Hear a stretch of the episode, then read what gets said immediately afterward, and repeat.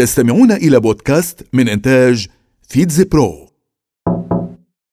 مرحبا. أنا جني آلة الزمن. سآخذك في ثلاث رحلات. رحلات في شتى البلاد. حدثت فيها أحداث في مثل هذا اليوم بالذات. 1990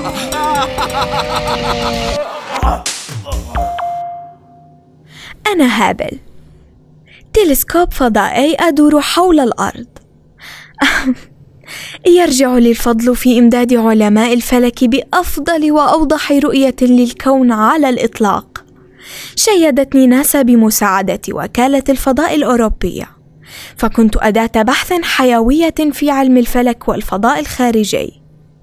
تمت تسميتي تيمنا بعالم الفلك الأمريكي إدوين هابل الذي لعب دورا كبيرا في استكشاف الفضاء الخارجي.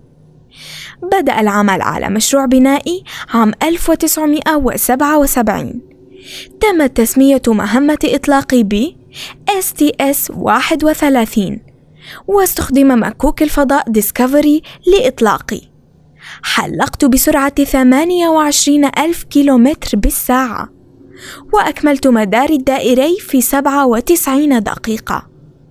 وذلك في مثل هذا اليوم من عام 1990 1915 يعود أصلي إلى القرار العثماني. الذي قضى باعتقال وإعدام المئات من الوجهاء والمثقفين الأرمن في اسطنبول وترحيلهم إلى ولاية أنقرة. ما حدث لا يصدق. ما حدث كان إبادة جماعية للأرمن وتمت على مرحلتين على أراضي الدولة العثمانية خلال الحرب العالمية الأولى. المرحلة الأولى كانت القتل الجماعي للذكور البالغين. أما المرحلة الثانية فضمت النساء والأطفال والشيوخ. تم تخصيصي ليستذكر الأرمن الموجودون حول العالم ضحايا هذه الإبادة. هذه الإبادة لا تنسى لا والله. في ذكراي يخرج الناس في المظاهرات والتجمعات لتوعية الناس وتذكيرهم بما حدث. تاريخ الإبادة لا أعاده الله حصل عام 1915 في مثل هذا اليوم وهو ما اعتبر يوم التذكار للضحايا ويوم عطلة رسمية في كل من أرمينيا وفرنسا. 934 السلام عليكم.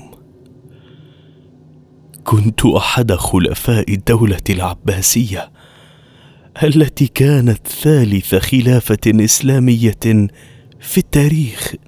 اسمي محمد الراضي بالله. ولدت عام تسعمائة وسبعة. عرف عني طبعي السمح والكريم كنت اديبا وشاعرا فصيح اللسان. أحببت العلم وشجعت عليه. كما كنت آخر خليفة يخطب في يوم الجمعة. انتهت حياتي بسبب المرض عام تسعمائة وأربعين. لكن في مثل هذا اليوم عام تسعمائة وأربعة وثلاثين تمت مبايعتي للخلافة في الدولة العباسية بعد خلع الخليفة أبو منصور محمد القاهر بالله. العودة إلى الواقع.